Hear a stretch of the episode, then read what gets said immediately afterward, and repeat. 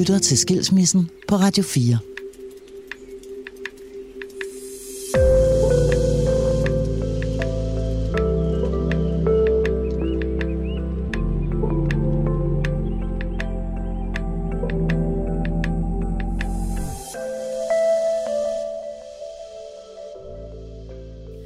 Jeg vågnede sådan hver nat og havde sådan hjertebanken og altså, kunne ikke trække vejret, øh, åndedrætsbesvær, og tænkte sådan, det kan jeg ikke det her. Jeg kan ikke, jeg kan ikke forestille mig, at det skulle være adskilt fra mine børn. Altså bare et sekund. Det var jo sådan umuligt for mig.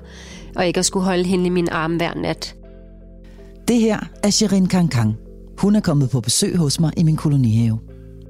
Mit navn er Marie Sloma Kvortrup, og vi er her i kolonihaven, fordi den kom til at betyde meget for mig, da jeg for nylig selv blev skilt. Det var her, jeg søgte hen, når stormen rasede, og her jeg helede igen. Og nu er det her, vi skal sidde sammen, når Shirin skal fortælle om sin skilsmisse. Om sorgen, frustrationen og tabet af tosomheden. Og om, hvordan hun helede igen. Shirin er født i 1974. Hun er aktivist, direktør, forkvinde og kant med i religionssociologi og filosofi. Hun gjorde sig særligt bemærket på den offentlige scene i Danmark, da hun i 2016 var blandt medstifterne i Mariam-moskeen. Den første moské i Skandinavien ledet af kvindelige imamer. Derudover er hun en aktiv samfundsdebattør, foredragsholder og forfatter til en række bøger, der også har nyt international anerkendelse. Sherin blev skilt fra sin eksmand i 2016, og sammen har de fire børn. Hej, Shirin. Godt at se dig. Åh, oh, hvor er det godt at se dig. Nå, vi må jo ikke kramme, men... Nej, Øh... Nej, vi, kan, vi gør det alligevel, ikke? Ja, okay. Har det du det hyggeligt. I min lille, min lille oase. Meget, meget dejligt. Drikker du kaffe eller te? Øh, te vil være dejligt. Så laver jeg lidt lige noget varmt til. Min far sender mig til USA, hvor min søster hun, øh, hun læser på Berkeley Universitet der og laver sin Ph.D., og han siger til min søster, bare tal hende fra det. Altså hun er blevet helt skør af kærlighed eller forelskelse. Mm. Så han siger, du har en måned til at tale hende fra det, for at forhindre at det her bryllup skulle ske, eller skulle indtræde. Og min søster siger til min far, at det er for sent. Jeg, sådan, jeg var ude og købe bryllupskjole og smykker, og hans familie var også imod det. Øh, han havde pakistanske rødder, og jeg er halv syr og halv finde. Han kommer fra en familie, hvor pakistanere kun gifter sig med pakistanere. Mm. Øh, og helst en fra samme sådan, klan. Og hvorfor var din familie imod dig? Øh, fordi at øh, min familie var meget glad for min øh, eks-forlod, ham jeg havde været forlovet med i tre år. Og øh, de var meget bekymrede over det. Altså, det, min mor er sådan meget har benene solidt plantet på jorden og er meget sådan jordnær, og hun sagde, at det her, altså ting, der, der starter meget voldsomt, de kan også slutte meget voldsomt, og de synes, det var et, et faresignal, at vi ville gifte så hurtigt. Vi kendte mm. jo slet ikke hinanden. Sherin er 27 år, da hun møder sin dengang 22-årige mand. På det tidspunkt er hun forlovet med en anden mand på tredje år, men ham her, den nye, er stålsat på, at Sherin og ham skal have hinanden. Og fra første møde slår han benene fuldstændig væk under hende. Jeg møder ham på Christiansborg første gang, hvor jeg holder tale om islam og demokrati, og han sidder blandt øh, publikum og siger så til sin bror, hende bliver jeg gift med. Og øh, så inviterer han mig så ud, og jeg er jo forlovet, men vælger så alligevel at gå ud med ham, hvilket jo var meget forkert, men det gør jeg. Og han havde sådan booket en restaurant, sådan, hvor vi havde den hele for os selv. Og så frier han til mig der, og jeg, sådan, det, det er så vanvittigt, fordi det var første gang, jeg er ude med ham. Jeg kender ham slet ikke. Men det er som om, at jeg sådan ved, at han bliver far til mine børn. Og det lyder jo helt vanvittigt og skørt, men det er, det er sådan, jeg oplever det. Så jeg bryder min forlovelse samme dag, øhm, som jeg kommer hjem. Man kan sige, at I har jo slet ikke nået at lære hinanden at kende. Nej, Altså, altså og jeg havde ikke rørt hans hånd, før vi blev gift. Du havde ikke rørt hans hånd? Nej, ikke før vi blev gift. Var det, Så det derfor, var- det skulle gå så hurtigt? Men måske Fordi du rigtig gerne ville røre hans hånd? det ved jeg ikke. Nå nej, Ej. men altså... Nej, altså sådan, det, vi var bare, vi var meget forelskede. Og det var sådan, jeg tror virkelig forelskelse, det er en, det er en sygdom. Mm. Sådan, jeg mistede min forstand, det gjorde han også. Og så vå- vågner man jo op ikke, til den brutale virkelighed. Men så bliver du gift. Vi bliver jo gift islamisk mm. øh, der et par måneder efter, vi møder hinanden. Ja. Og så bliver vi videt øh, lidt senere på året, øh, sådan efter dansk lov på Rådhuset. Og så starter hverdagen. Et par Ja. måneder efter. Vi tager på bryllupsrejse til Syrien, øh, og er der i en måned, og så kommer vi tilbage, og så starter livet. Ja. Yes. Og det starter så, øh, livet starter så som ægtefolk, og det starter jo også med en graviditet. Ja, men øh, jeg blev gravid med det samme. Jeg husker den første tid som meget, altså sådan, som værende meget ambivalent. Jeg var jo enormt forelsket, og det hele var nyt, men det var også det jo meget voldsomt at blive mor for første gang. Mm. Og jeg, jeg havde min storhedstid på det tidspunkt. Jeg rejste rundt i hele verden og holdt foredrag, og havde sådan, var booket et helt år frem, og så blev jeg gravid med vores datter Aisha, og øhm, jeg bliver sådan, jeg kaster så meget op, og får det så dårligt under min graviditet, så er jeg faktisk nødt til at aflyse alle mine foredrag. Øhm, så alt går galt i den graviditet. Øh, jeg får bækkenløsning. Jeg, jeg er sådan, de sidste tre måneder af min graviditet skal jeg være hjemme, og må helst kun ligge ned, fordi de er bange for, at jeg kan gå i fødsel når som helst. Så selvfølgelig er det, ud, det er udfordrende. Mm. Men så kommer hun, og ja, så jeg husker de første år som, ja, også helt vildt dejlige år. Og der kommer jo flere børn. Der kommer faktisk fire Mm. i rap. Ja. Jeg kunne godt tænke mig at prøve at sætte ord på, hvordan du på et eller andet tidspunkt, det er jo ikke noget, der sker fra dag til dag, det er jeg klar over, også fra mig selv, men at man begynder at kunne mærke, at, øh, at man ikke har det ordentligt, der hvor man er. Første gang, jeg får tanken, det er mange år før vi faktisk bliver skilt. Øhm, og jeg, jeg finder ret hurtigt, altså vi er meget, vi er modsætninger, vi er meget forskellige. Øh, jeg er meget udadvendt, øh, transparent, og han er det modsatte. Øhm, det var også svært for ham, at jeg var en offentlig person. Jeg tror også, at, at han havde meget svært ved min aktivisme, og at jeg var meget ude i verden. Mm. Hvor hans drøm og ideal måske i højere grad var en kvinde og en mor, der ligesom går hjemme og er sammen med børnene hele tiden. Og han er selv, kommer, er selv vokset op i en familie, hvor at hans mor er gået hjem altid, og han er kommet hjem i alle frikvarterer og spist roti, øh, pakistanske hjemmelavet brød og varm mad til frokost, og har ikke været i institution, øh, har ikke været i vuggestue eller børnehave, hvor jeg kom i vuggestue, da jeg var tre måneder gammel, fordi min far var politisk flygtning fra Syrien, og min mor immigrant fra Finland, så de havde kun hinanden her, og havde fuldtidsarbejde begge to, og to jobs hver, og var selvstændige og knoklede. Så, så vi kommer fra meget forskellige familier, og har, havde måske også meget forskellige idéer om, hvordan man er en familie. Og klart nok, at man, det er jo også sådan, kan man sige, de fleste ægteskaber, de starter, det er, at man, øh, man er sindssygt forelsket, man er villig til hvad som helst, og, og tænker også bare, jamen det finder vi ud af hen ad vejen, fordi kærligheden er så stærk, så det, så det tager vi derhen af. Jeg tror også, at øh, jeg havde meget håb og tillid, fordi jeg kommer jo fra en kernefamilie. Jeg kommer fra en familie, hvor min mor er kristen, min far er muslim, hun er fra Finland, han er fra Syrien, hun er fra land, han er fra byen. Og, og de har formået at forene meget store modsætninger, og sådan karaktermæssigt er de meget forskellige. Min far er den spontane og udadvendte og lever i nuet, og min mor er meget mere sådan jordnær, og min far er den følsomme, hun er den rationelle. Øh, altså det er lidt generaliseret, men Men de er modsætninger, de og det var I er modsætninger også. på alle måder, og, og øh, jeg tror, at fordi jeg havde så god erfaring med det her med at leve og navigere i modsætninger, så var jeg ikke så bange for det. Jeg, var, Nej.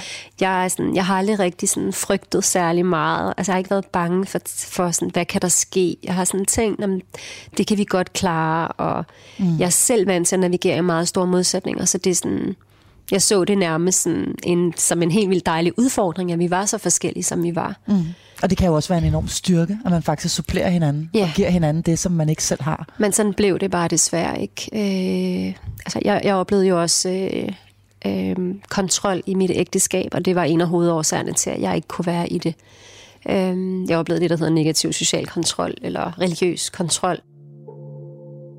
Årene i ægteskabet går, og Shirin bliver mere og mere bevidst om, hvor forskellige hun og eksmanden er fra hinanden. Skilsmisse er ikke en mulighed for Shirin. Hun kommer selv fra en kernefamilie, hvor man kæmper for sit ægteskab. Begge familier var imod deres ægteskab til at begynde med, så hun kæmper også for at bevise, at forholdet og ægteskabet ikke bare var en forhastet beslutning. Men hun kan ikke stoppe sin krop fra at reagere. Jeg lå i vores seng, og øh, vores yngste var jo kun fire år på det tidspunkt. Mm. Øhm, og hun lå imellem os. Altså hun har altid ligget i vores seng, og jeg har jo altid ligget sådan helt tæt med hende, og sådan mm. indåndet hendes duft, og kigget på hende, når jeg vågner om natten. Og, Og der, der kan jeg bare huske, at jeg vågnede sådan hver nat og havde sådan hjertebanken og altså kunne ikke trække vejret, øh, åndedrætsbesvær i hjertebanken, øh, og, og, og tænkte sådan, det kan jeg ikke det her. Altså det bliver, jeg kan ikke, jeg kan ikke forestille mig, at det skulle være adskilt fra mine børn. Altså bare et sekund. Det var jo sådan umuligt for mig. Mm. Og ikke at skulle holde hende i min arm hver nat. Så sådan, det, det er nok mit, den værste tid der, hvor jeg, jeg ved, at jeg er nødt til at gøre det. Jeg ved, at det er sådan, det kommer til at ske. Jeg ved, det kommer til at ske, at vi mm. bliver skilt, men jeg kan ikke forestille mig, hvordan, det skal, hvordan, hvordan vi skal leve et liv. Og så sådan adskilt for børnene, og han havde det jo på samme måde. Vi har, vi har jo begge, ingen af os har kunnet sådan være uden vores børn. Ambivalens er nok det aller, aller sværeste, synes jeg, at, at håndtere som, for mig som menneske. Øhm, fordi jeg havde jo, jeg var jo stadigvæk forelsket, og elskede ham stadig, men jeg kunne ikke være sammen med ham. Altså det fungerede ikke i praksis. Og alligevel var der jo de her fire vidunderlige børn, som gjorde det hele værd Øhm, og jeg vil gå rigtig, rigtig langt for mine børn. Jeg kan huske, det, sådan, jeg har et, det aller værste for mig, det var sådan, da jeg var tæt på at ligesom vide, altså da vi var tæt på 2016, tæt på skilsmissen. Min krop var i af høj alarmberedskab. Ja. ja. Altså det var sådan, det var lidt ligesom at være i krig, eller sådan, som jeg kan forestille mig, det må være. Mm. Jeg havde det selv sådan der med, at altså jeg tænkte sådan, det var godt nok en, en vild krop, fordi jeg sådan intellektuelt blev ved med at at skubbe det i baggrunden. Det, det skal jeg ikke. Altså, det er ikke en løsning. Jeg skal blive, jeg skal blive, mm. jeg skal mm. blive. Men det var som om, at min krop faktisk endte med at fælde mig, fordi som om, at den, den tænkte nu så starter vi lige med at give hende noget søvnbesvær. Mm. Nå, hun fatter det stadigvæk yeah. ikke. Jamen, så vækker vi hende klokken 4 hver morgen med hjertebanken. Yeah. Nå, hun fatter det stadigvæk ikke. Ved du hvad, så smider vi noget migræne oven i puljen. Yeah. Altså, det var som om, den blev ved med at sætte nye ting ind. Yeah som gjorde, at jeg til sidst var nødt til at se i øjnene, hvad det var. Ja, og det kan jeg virkelig godt spejle mig i. Men jeg tror også, det var også tankerne, altså det var tanken mm. om at være adskilt fra mine børn, der mm. gav mig hjertebanken og angst, og gjorde, at jeg vågnede midt om natten. Så det var tanken om, at jeg skal gøre det her, øh, og jeg skal udsætte mine børn for det her. At, og, og det... Ja, så, og, og kroppen afslører altid det, vi forsøger at fortrænge. Altså kroppen, mm. altså, vi kan ikke skjule noget for kroppen. Den er utrolig intelligent, den ja, krop. meget. Og den, øh, den, den gør, hvad den kan for at råbe en op. Jeg kan virkelig spejle mig i det, at det er som om kroppen, den ligesom vågner op en dag og siger, nu går jeg, nu, nu er det slut, nu kan jeg ikke mere. Jeg ligger der øh, nat efter nat og kan ikke sove og øh, har angst og vejrtrækningsproblemer og hjertebanken. Og så tænker jeg sådan, okay, så, så, sådan, så fint, fordi jeg, er sådan, jeg, jeg handler altid, når jeg er i meget akutte, svære situationer, det er jo sådan virkelig en akut situation. Og så tænker jeg sådan, det behøver ikke at være sådan, det behøver ikke at ende her. Lad mig vende alting på hovedet, og så vendte jeg faktisk alting på hovedet. Og så tænkte jeg, okay, det behøver ikke at være en skilsmisse. Altså sådan, vi kan skabe et alternativt hjem. Så det jeg gjorde, det var, at jeg fandt et hus lige ved siden af vores eget hus. Øhm, og jeg vidste, at det hus, jeg skulle finde, det skulle være smukkere end det, vi boede i, hvis jeg skulle kunne retfærdiggøre det. Så det, jeg fandt et, der var smukkere end det, vi boede i, med meget smuk natur.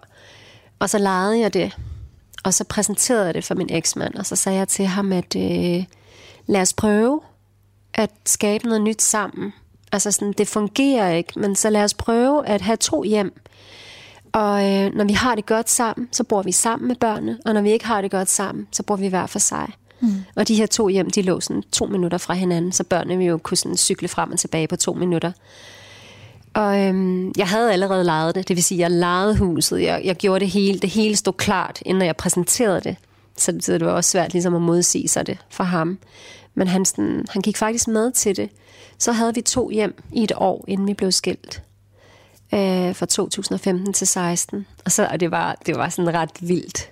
Jeg kan huske, at øh, at øh, vi aftalte ligesom, at det nye hus skulle hedde Sommerhuset. Og det er jo så det hus, jeg bor i i dag med børnene, og det hedder stadigvæk Sommerhuset. Så der var det rigtige hus, og så var der Sommerhuset. Og så, så flyttede vi, så boede vi en uge i hvert hus, og vi indrettede det nye sommerhus sammen og med børnene, og, og det var jo, de var jo helt ellevilde glade, og vi købte nye møbler sammen og indrettede det, og sådan fik nærmest sådan en revival i vores øh, ægteskab. Men, men så gik der jo måske et halvt år, eller lidt mere end et halvt år, og så, ja, så kom skilsmissen så. Efter 13 års ægteskab slutter deres forhold, og Shirin og hendes mand bliver skilt fra hinanden. De tanker og overvejelser, der har fyldt i Shirins hoved i flere år, bliver til virkelighed. Men i sidste ende er det ikke Shirin, der bryder op. Det er hendes mand det, der sker jo sådan i det ydre, det er Ja. jo, at, øh, at i 2016, der åbner jeg Skandinaviens første moské for kvindelige imamer. Og jeg bliver selv en af de kvindelige imamer. Øh, Skandinaviens første kvindelige imam. Og det, det er svært for ham, min eksmand, men han, ligesom, han accepterer det. Men da han så finder ud af, at jeg foretager interreligiøse hvilelser, det vil sige, vi er muslimske kvinder til ikke-muslimske mænd, det er ligesom, øh, det, det bliver sådan en dealbreaker for ham. Det er dråben i Ja. virkeligheden. Så der, der får jeg ligesom et ultimatum, hvor han siger, at, øh, at jeg skal vælge mellem min familie eller min aktivisme. Og så bliver vi så skilt. Fordi det er jo, der siger han, det er ikke et valg. Altså, det kan du ikke stille mig, det valg. Det paradoxale er, at min kamp imod patriarkatet ligesom bliver mit eget ægteskabs undergang. Øhm, og alligevel bliver det jo også min, min frigørelse. Man bryder en familie op, og det er fuldstændig ubærligt i forhold til ens børn. Man kan næsten ikke, øh, man kan næsten ikke holde ud, at man skal gøre dem til skilsmissebørn. Øh, og sådan ved jeg, at, at både du og jeg har ja. Haft det i den grad, og været ja. Ja. ved at gå, gå fuldstændig øh, midt over. Jeg kan huske jo, da jeg var barn, altså sådan, mange af mine veninder, de, deres forældre blev skilt. Mm. Og sådan, min familie var bare den, der ligesom stod stabilt og solidt. Mm. Ikke? Og, og jeg kan bare huske, at jeg tænkte sådan, åh, jeg var så taknemmelig over, at min familie var holdt sammen. Og har været meget bevidst omkring den, altså, det, det har givet mig, mm. at... Øhm, at være en familie, altså sådan stadigvæk, når vi tager hjem til mine forældre hver søndag og har familiesammenkomster, når jeg ser min far kysse min mor, og når jeg ser dem gå hånd i hånd, altså der findes jo ikke noget større, altså en større glæde for mig, end at observere og bevidne min forældres kærlighed. Altså jeg bliver så lykkelig indeni. Det kan jeg godt forstå. Og, den, Ja, det kan jeg og det virkelig har jeg forstå. ligesom frarøvet ja. mine børn, eller det har vi, ikke? Mm. Altså sådan, det lykkes ikke for os. Nej. Og det er jo ligesom det der med, at alt det, fordi alt i livet handler om kærlighed. Altså mm. alt det, vi gør, alle vores bevægelser, al vores aktivisme, alt, alt det, vi knokler for, er jo for kærlighed. Og det Mm. er jo, for mig har familien været det bærende centrale. Altså det, det alt handler om, og er centreret omkring. Og så, det vil sige, i det vigtigste livsprojekt, som er familien, der mislykkede jeg. Mm. Altså der, der er jeg mislykket. Mm. Så det har været et kæmpe tabu for mig. Det er det stadig. Og, sådan, og jeg har snakket med andre, der også er gået igennem skilsmisser, som fortæller det samme. Og det er jo sådan, det er så paradoxalt, fordi 50 procent bliver skilt, og alligevel føles det så skamfuldt. Øhm, men så har jeg sådan, så må man jo få det bedste ud af det, mm. og sådan give sine børn det bedste ud fra de rammer, man Ja. så har. Og der, er de bedst mulige skilsmisseforældre? ja, eller skilte forældre? præcis. Og hvordan er man så lige Hvordan det? er man så lige det, ja. Shirin? Fordi det kunne jeg egentlig godt tænke mig at spørge dig om, øh, fordi og jeg vil, jeg vil gerne øh, sige, at jeg har været ude af samme vej som. Ja. dig i forhold til, at jamen, kan man ikke bare stadig være en familie? Altså, kan vi ikke bare sige, at vi, øh, vi bliver skilt, og far og mor er ikke kærester mere, men vi er stadig en familie? Mm. Og det ved jeg også lidt af den opskrift, som du har forsøgt. Men Det er det. Dermed. Øh, jeg har sagt det samme til mine børn. Altså, vi er ikke skilt. Vi er stadigvæk en familie. Vi er bare en familie på en anden måde. Vi er skilt, men vi er stadig en familie. Ja, Ja. ja vi er skilt, men vi er stadigvæk en familie. Hvis jeg ikke kan give mine børn den største gave, som for mig er det, jeg selv har fået, altså vokse op i et hjem med to forældre, der elsker hinanden, altså ligge som barn og falde i søvn. Jeg faldt i søvn til lyden af de der backgammon, øh, hvad hedder det, terninger. Mine forældre spillede altid backgammon. Øhm, og øh, kunne lytte til deres små, den der, de pludrede og snakkede sammen, den der små pluderen og deres latter og lyden af de der terninger. Altså, der var ikke noget mere trygt, og jeg tænkte, hvis jeg ikke kan give dem det, mm. så må jeg give dem det næstbedste. Og det er at gøre det så udramatisk som muligt. Og prøve at være, altså at gøre min eksmand til en vigtig person i mit liv. Mm. Altså en vigtig ven. Børn, de kan jo godt mærke konflikt, de kan mærke kold luft. Kritik af den anden forældre, det er jo noget, der virkelig kan gå ind og, og skade børn i en, i en skilsmisseproces. Eller hvis man slet ikke viser interesse for den anden forældres nye liv. For eksempel kan jeg huske, der var et barn, der sagde til mig, at når mor bagtaler far, så har jeg det som om, at mor bagtaler mig. Mm. Og når far ignorerer mor, så har jeg det som om, at far ignorerer mig. Og fordi børn identificerer sig med både mor og far. Så på den måde er meget jo ligesom før nogle gange laver min veninder sjov og siger, at han er der mere nu, end da I var gift. øh, men, og, men det har jo både fordele og ulemper. Ja, jeg skulle lige til at spørge om det, fordi det ja. lyder jo på mange måder dejligt nok, men man bliver jo også skilt, fordi man skal videre. Ja. Altså i, hvert fald, at man selv skal videre. Og jeg, og jeg vil sige, det er så også en pris, øh, jeg i hvert fald har betalt. Øh, det er, at øh, altså, det er jo svært at komme videre, fordi at øh, der var en, der sagde til mig, at øh, Shirin, du er ikke skilt, du er stadigvæk gift, og du bærer stadigvæk giften i dig. Altså, at det også kan være problematisk at være så tætte, efter man er blevet skilt. Shirin og hendes eksmand gør alt, hvad de kan, for at skilsmissen ikke skal gå for hårdt ud over deres børn.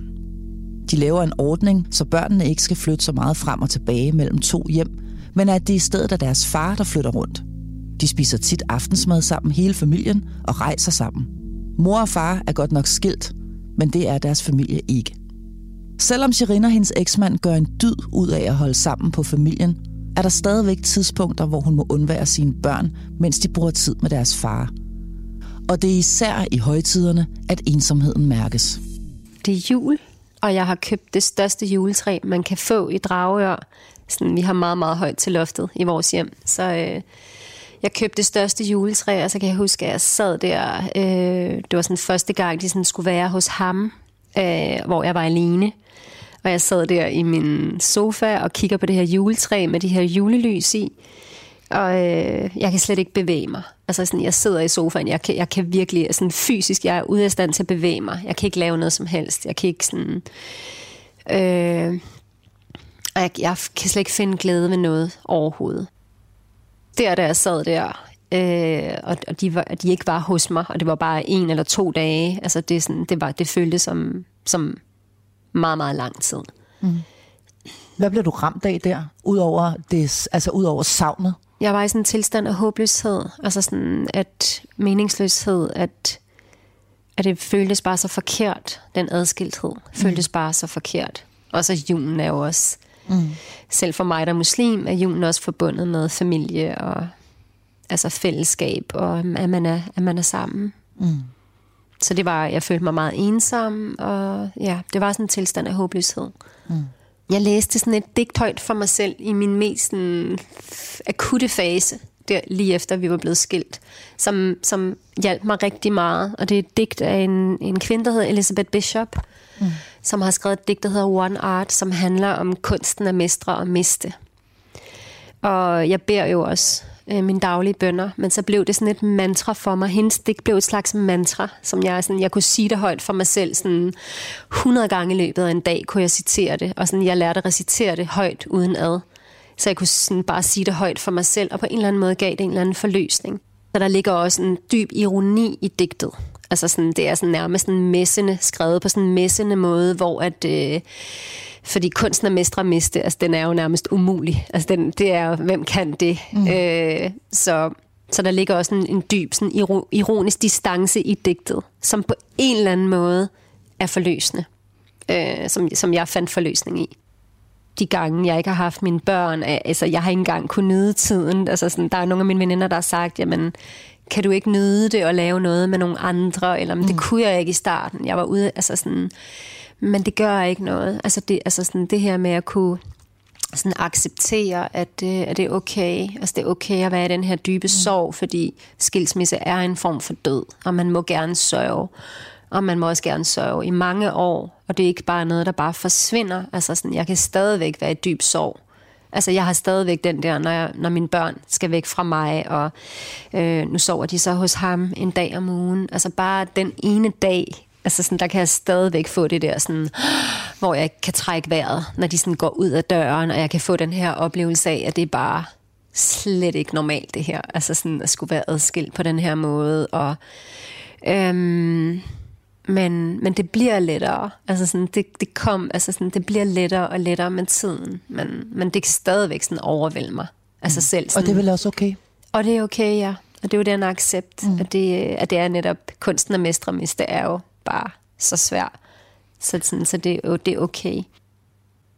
da jeg bliver skilt, der oplever jeg jo både sådan, altså jeg har den her dybe længsel efter at være i den familie, jeg var i, men samtidig så oplever jeg også en enorm frigørelse.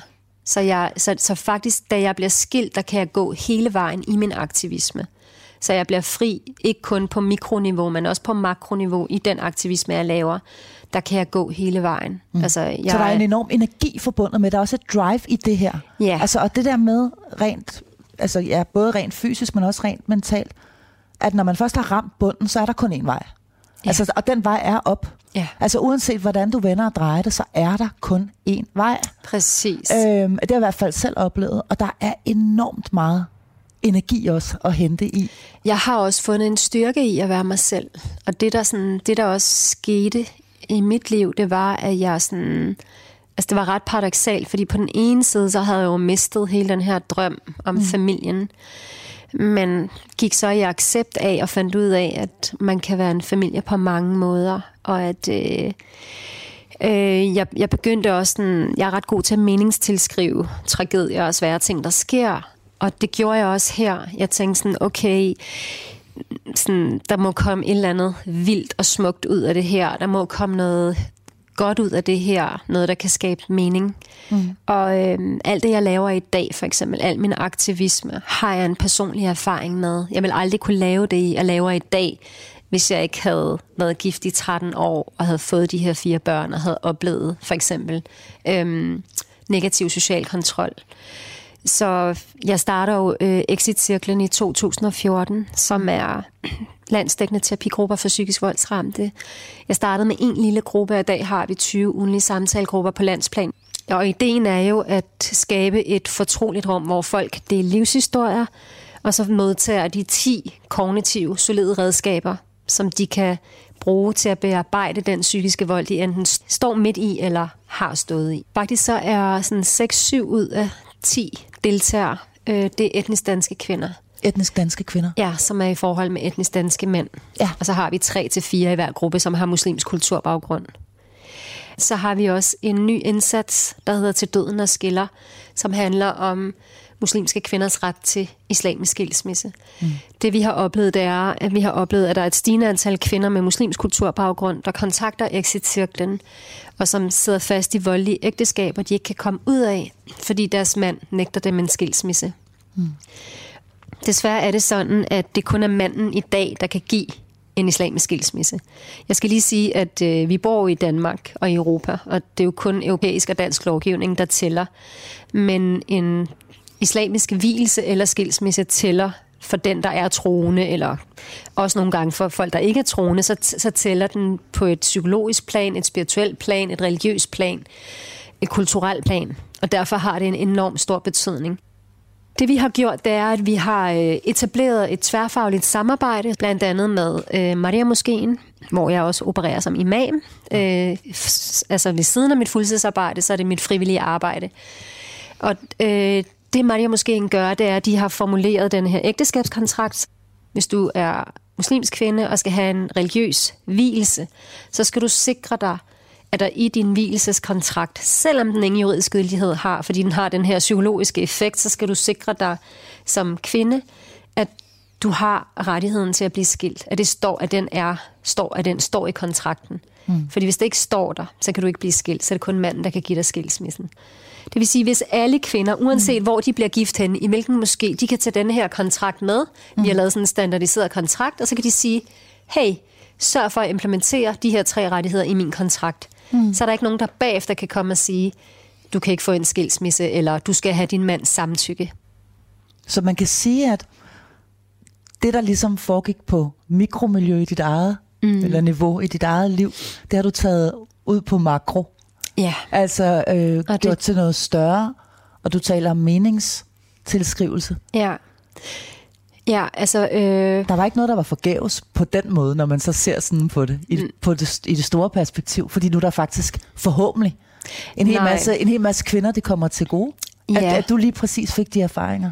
Ja, det tænker jeg også. Altså sådan inden for traumeforskning, der taler man om, at, øh, at der ligesom er tre ting, der skal være til stede i forhold til at komme over et traume eller overkomme et traume. Mm. Og det er meningstilskrivelse, tilgivelse og evnen til at skabe sociale relationer.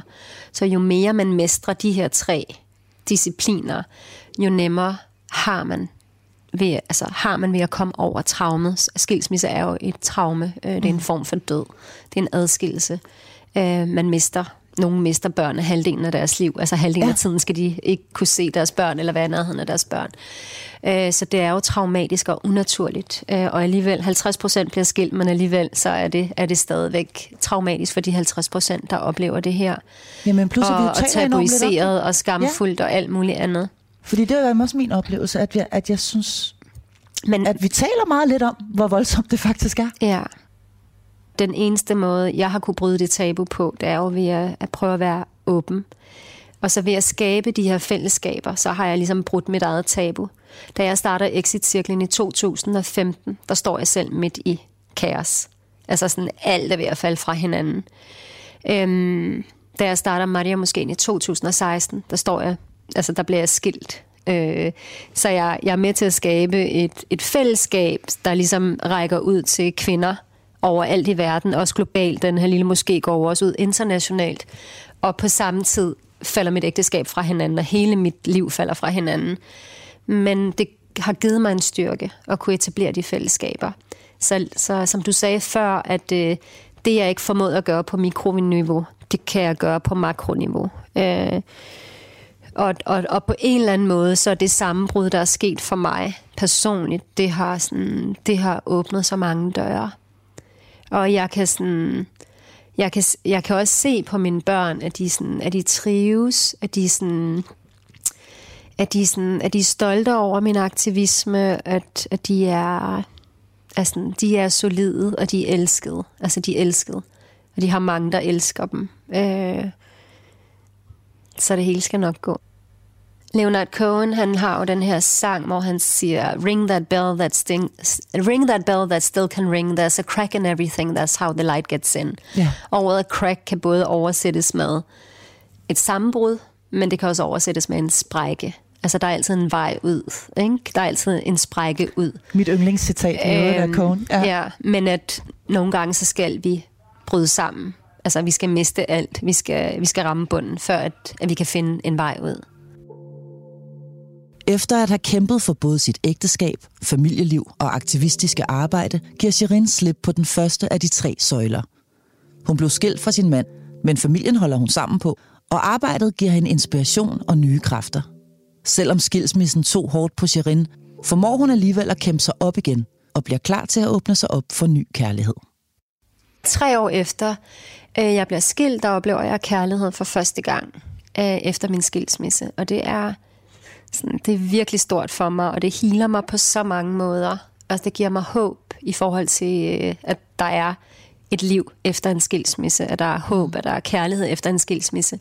Også en romantisk kærlighed efter en skilsmisse Ja. og, en, og, Ja. og et parforhold. Ja, Måske Og en ovenikøbet- hverdag, Måske og- oven i købet et, et nyt ægteskab i virkeligheden. ja vi blev ja. forlovet, og det er jo med henblik på at blive gift. Og, øhm, Er det Men- også med en muslimsk mand? Ja, Ja. det var det.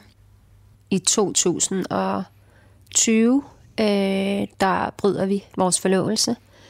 Og det er primært på grund af ham. Altså, han kan ikke være i det. Og så bliver han gift tre måneder efter. Wow, så bliver han gift med en anden. Ja. Men tror du, at... Altså, det må jo have været... Ja, det er, som man kan sige, det sidste, man har brug for, det er et broken heart oven på sådan en, en skilsmisse, hvor man har fundet sine ben og rejst sig op igen og fået skabt sig en hverdag. Og så kommer der en ny kærlighed, og så bliver man knust. Eller du bliver knust. Men tror du simpelthen, at, at hvis du kigger udefra set, at der så er plads til en ny kærlighed i dit liv? Eller har du nu indrettet det hele, og jeg skal sige, at jeg forstår dig godt. Har du nu indrettet det hele på dine børns præmisser? I forlængelse af din egen dårlige samvittighed over at bryde deres familie op? Reparere på det, som du har ødelagt for dem, det som du har taget fra dem, som de aldrig kan få igen? Øhm, så nu har du givet dem det næstbedste. Ja, men du betaler selv prisen for det. ja. Kan man måske stille det sådan op? Ja, det tror jeg godt, man kan. Men jeg tror altså, jeg, jeg har lært meget i den her proces, og altså, det behøver ikke at være et enten eller. Altså, jeg tror, jeg skal prøve at finde et sted midt imellem, og prøve at placere mig selv midt imellem. Mm. Og det er det, jeg er ved at finde ud af nu. Fordi at der er jo også noget, der hedder egen omsorg. Og der er også noget, der hedder den der famøse. Det er i hvert fald et billede, jeg selv tit har benyttet mig af. Øhm, og derfor vi faktisk sidder her i det her lille kolonihavehus på Amager. Øh, fordi det her sted, det er sådan en iltmaske for mig. Og sådan et sted, hvor jeg kan få lov til at være alene og hele. Ja. Men også et sted, hvor jeg kan... Og har virkelig dejligt. Jeg har virkelig hyggeligt, ikke? Ja, og det har jeg også fundet det sted. Har du fundet sådan Jeg er, sted? meget, jeg er meget god til at passe på mig selv. Det er og godt. sådan iltmaske-metaforen handler jo også om, at vi kan ikke passe på vores børn, hvis vi ikke kan passe på os selv. Præcis. Jeg er meget god til at passe på mig selv og på mine egne behov, og jeg ved, hvad der gør mig glad og lykkelig, og jeg ved, hvad der får min sjæl til at boble. Godt. Og det er jo selvfølgelig mine børn, men der er også noget uden for mine børn. Præcis. Og, det er, og, det, og, sådan, og når jeg siger noget, der får min sjæl til at boble, så tænker jeg ikke kun på aktivisme, for det får min sjæl til at boble. Det er, men, altså det er sådan virkelig, det giver mening. Mm. Og det er meningsfuldt, men der er forskel på det, der er meningsfuldt, og det, der får vores sjæl til at boble. Og det, der får min sjæl til at boble, det er at bade i havet. Ja. Så jeg bader i havet hver dag, og det er, sådan, det er min livsenergi. Og så øh, er det selvfølgelig kærlighed, også den romantiske kærlighed. Mm. Så, øh, Og venner. og venner, jeg er familie. Og grine. Og Ja. også nogle gange være alene. Altså jeg har sådan en... Derhjemme, hvor jeg bor med alle mine børn, der har jeg sådan en helle ude i badekarret. Altså jeg har aldrig gået så meget kappet i mit liv, som, som i den periode, hvor jeg sådan ligesom skulle, skulle, øh, skulle klare skærene. Fordi det er jo en akut krisesituation, man står i, når man, Ja. øh, når man bryder en familie op. Hvad enten man er den, der går, eller man er den, der Bliver gået fra. bliver gået fra, så er det en akut krisesituation. Og det, som øh, ikke kan undgås, det er jo, at man øh, skal enormt meget samtidig, og man i den grad kan mærke, at man er i live. Fordi man skal, man skal overleve, man skal forsøge at finde sine egne ben, øh, og så skal man være nogens mor. Og der er også enormt meget praktisk. Ja. Øh, ikke mindst, når man lige pludselig kun er én forælder til stede. Du har valgt et stykke musik, Ja. som, jeg, som vi skal høre. Jeg er meget spændt på, hvad det er. For Ja. jeg ved det ikke på forhånd. Det er sjovt, fordi at, øh, jeg talte lige med min veninde inden omkring, hvad jeg skulle vælge, fordi jeg elsker musik. Ja. Jeg elsker klassisk musik, jeg elsker klassisk arabisk musik. Øhm, og sådan, mine veninder, de griner altid af mig, fordi når vi er samlet sådan, og, og har sådan til fester og sådan noget, så sætter jeg altid sådan noget meget melankolsk musik på, hvor de siger sådan, ej, det er ligesom at være til en begravelse, det her. Du dræber enhver festlig Altså vibe. sådan, jeg er meget, altså sådan, jeg elsker al musik, der er melankolsk og sådan dystert. Så først havde jeg valgt et stykke af en, der hedder Ferouz, som hedder Ya Habibi, øh, som hun synger faktisk om Jesus korsfæstelse, fordi det ligesom er en metafor for, du ved, at det er en form for død at blive skilt, og den hørte jeg rigtig meget lige, da jeg blev skilt, da jeg var rigtig deprimeret. Så blev jeg endnu mere deprimeret, sådan, så jeg kunne godt lige sådan at også svælge lidt i, i den her sorg. Så på en eller anden måde hjalp det mig også. Men så tænker jeg, nej, jeg må, sådan, jeg må spille et stykke, som er mere sådan håbefuldt.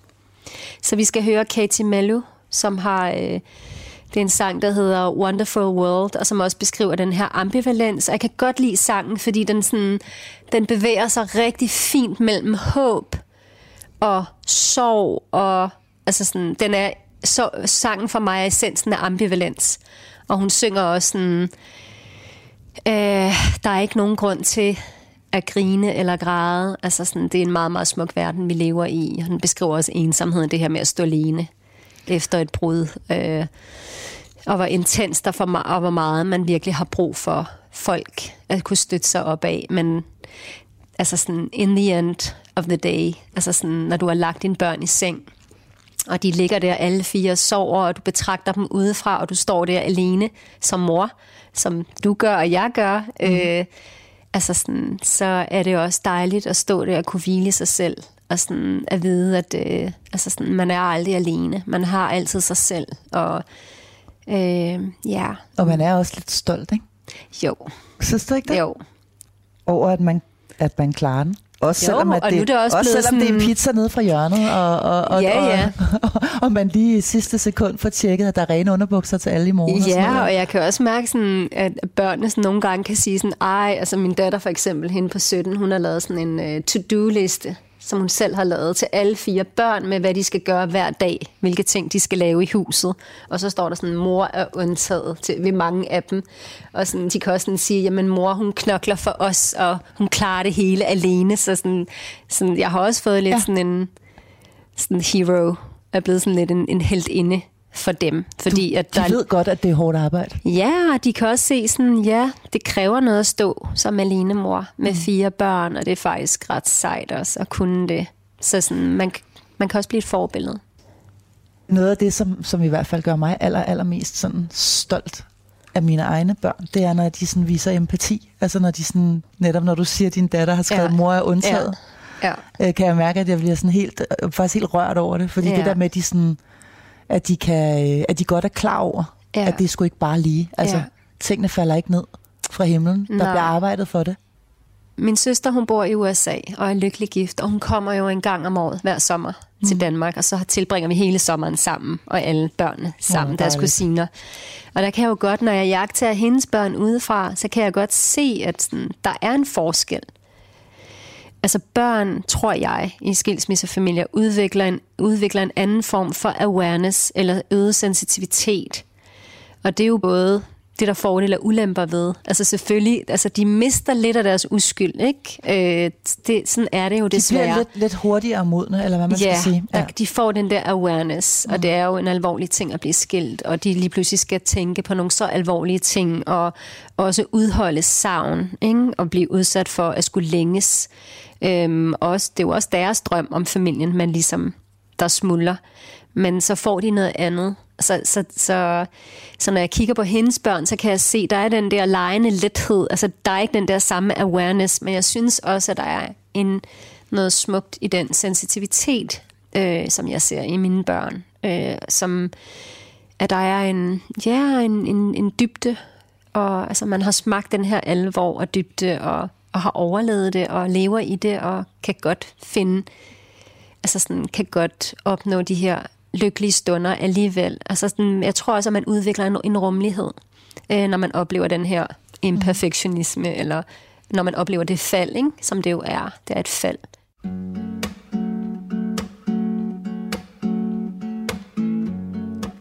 Here I go out to sea again. The sunshine fills my head, and dreams hang in the air.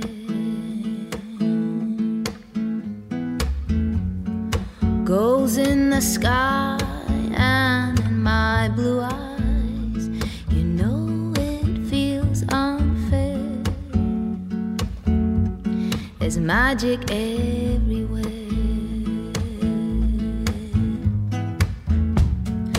Look at me standing here on my own again.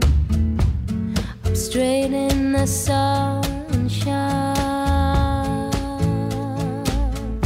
No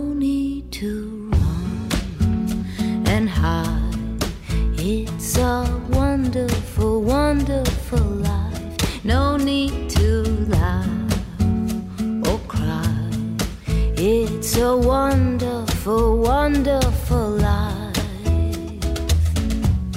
The sun's in your eyes, the heat is in your head. They seem to hate you because you're there.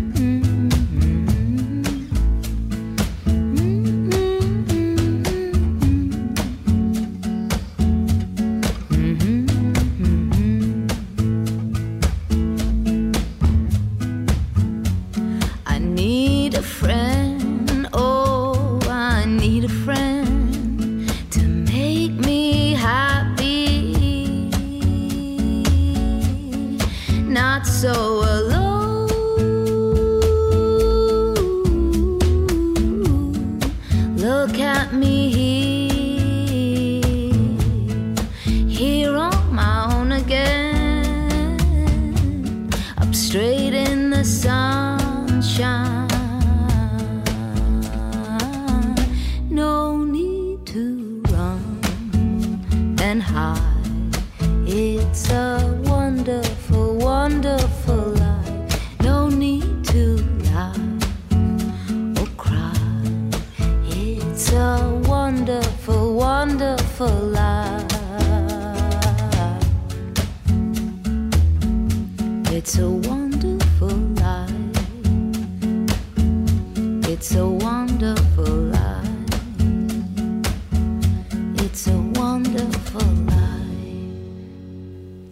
til Skilsmissen på Radio 4, og vi har lige lyttet til Wonderful Life af Katie Melua. Det var meget, meget fint nummer. Og som du, som du sagde, mens musikken stadigvæk spillede, at, at det, det bevæger sig sådan lige imellem håb og melankoli i virkeligheden. At det, og, det rummer, og det rummer begge dele. Så man er, man er Ja. lige ved at slippe noget. Ja, hun er, hun er lige ved at slippe det gamle og på vej mod det nye. Mm. Ja, så der er den der transformation, der står midt, i, midt imellem. Og det har, Men- du, det har du kunne bruge, det her nummer. Men mere på vej hen imod håbet. Jeg har brugt det rigtig meget. Så jeg bruger også meget musik til at bearbejde sorg. Og så ja, den har jeg brugt. Meget smukt nummer. Vi skal, øh, vi skal tale øh, en lille smule om tilgivelse, som jo er et begreb, der er essentielt, tror jeg næsten ligegyldigt, hvilken religion man beskæftiger sig med. Øh, hvad betyder skilsmisse for dig, i, eller, eller tilgivelse for dig i relation til dit øh, forliste ægteskab? Det betyder rigtig meget. Øhm, som jeg nævnte tidligere, så er der jo ligesom der er tre faktorer, som har været vigtige for mig. Det er meningstilskrivelse, øh, evnen til at skabe sociale relationer, som jeg gør via de fællesskaber, jeg skaber, mm. og så øh, tilgivelse. Jeg tror, tilgivelse har nok været noget af det sværeste. Og spørgsmålet er også, hvad vil det sige at tilgive? Fordi mm. at, øh, at tilgive betyder ikke, at man accepterer det uretfærdige, der er overgået en, eller hvis folk har gjort noget uretfærdigt mod en, at man så, at man så accepterer det, men det betyder, at altså, for mig ligger det, at- det at tilgive handler også meget om at sætte sig selv fri. At, at sætte sig fri, at sætte, på en eller anden måde sætte sig over sit eget ego, og øh, ja, så det er sådan en frigørelse. Så, Det er at slutte fred med noget i virkeligheden. Ja, en form for forsoning, ikke? At slutte fred. Mm. Og øhm, altså, jeg har altid elsket min eksmand, og det var heller ikke kærligheden, der gjorde, at vi blev skilt. Altså, vi elskede stadigvæk hinanden. Men der, jeg, tror, at jeg, jeg tror, jeg har tilgivet ham, at han ikke ligesom formåede at kunne navigere i de modsætninger. Altså, fordi vi er kæmpe store modsætninger. Mm. Hvor jeg sådan tænkte, det burde han have vidst, da han trådte ind i det. Altså hvis du skal træde ind i et ægteskab, hvor at man vælger sin ultimative modsætning, så skal man også være værdig til det.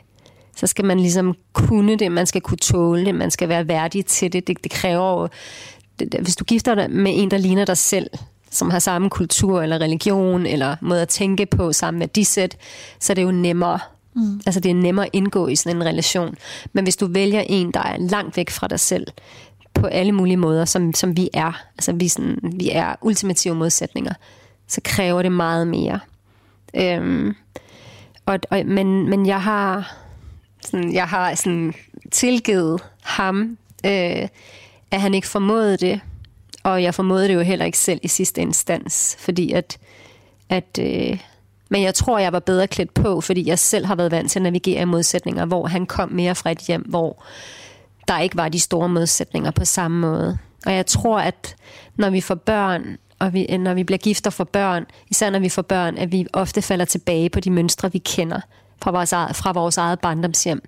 Så det er det, vi ligesom falder tilbage på. Mm. Øhm, Det er jo det eneste, vi kender i virkeligheden, sådan rigtigt. Ja, indefra. når vi bliver forelskede, altså, så, så glemmer vi. Ikke? Vi, glemmer, vi glemmer nærmest alt, og vi kan alt, og vi bliver uovervindelige. Mm. Men når vi så forelskelsen ligesom går hen og bliver til kærlighed, og man skal i gang med det hårde arbejde, så, øhm, så falder vi tilbage på de mønstre. Og der, øh, der tror jeg bare, at der er vi ligesom faldet tilbage på hver vores udgangspunkt, som har ligget alt for langt fra hinanden. Mm.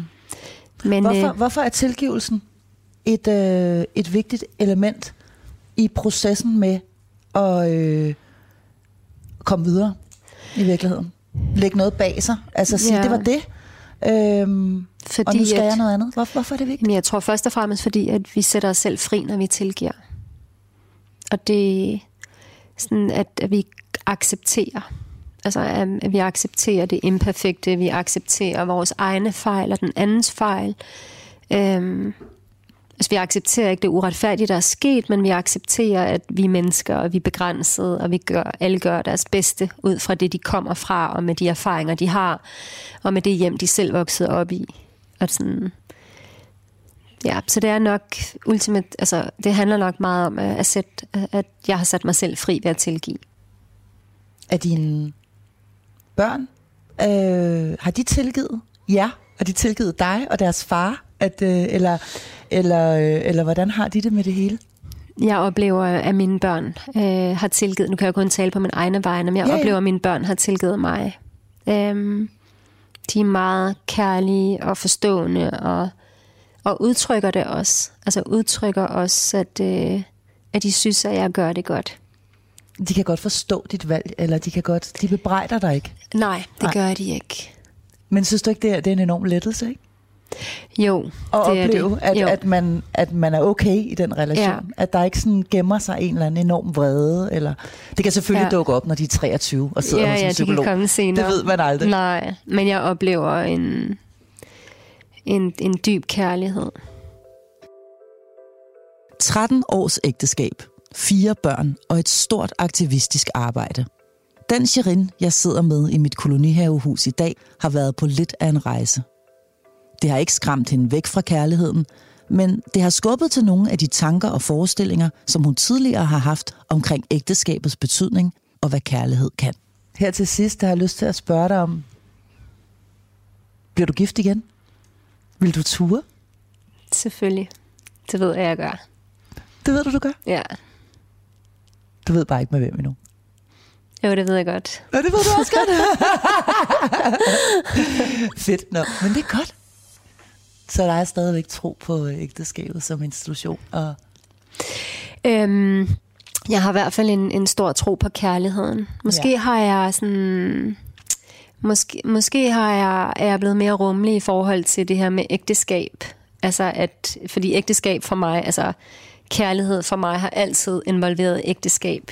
Men jeg tror, jeg har rykket mig en lille smule i forhold til, at, øh, at, at kærligheden står over ægteskabet, og at kærlighed godt kan eksistere også uden ægteskabet. så det vil du også være øh, okay med at invitere kærligheden ind i en anden form. Måske ja. Jeg tror på, alt det, vi mister, det kommer tilbage til os i nye former.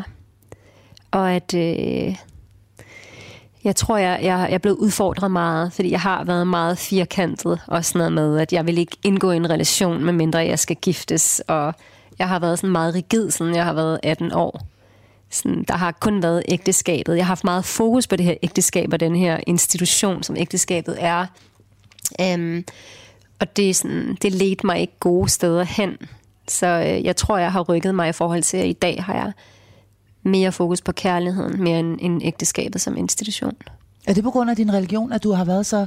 Nej, Ja, undskyld, jeg havde det også før. Jeg havde det også før, jeg blev også. religiøs. Ja. Ja, det, er sådan, det er mere en romantisk forestilling, jeg har haft. Mm.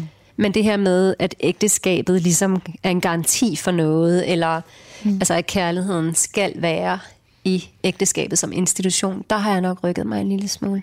Som noget ophøjet. Nærmest. Altså kærligheden Ja. som noget ophøjet, og noget, der, der også, altså, hvor der også skal en religiøs velsignelse til i virkeligheden. Altså, den religiøse velsignelse øh, er vigtig for mig, den religiøse velsignelse, men, men jeg tror, jeg er blevet mi- mindre rigid i forhold til, at, øh, at kærlighed godt kan eksistere i sig selv.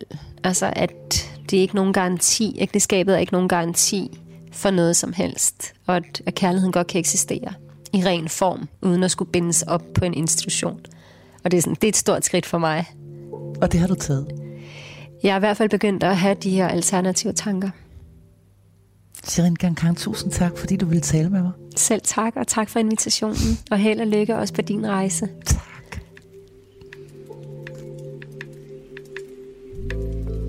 Du har lyttet til Skilsmissen. Serien er produceret for Radio 4 af Beam Audio Agency. Mit navn er Marie Sloma Kvartrup. Vi lyttes ved.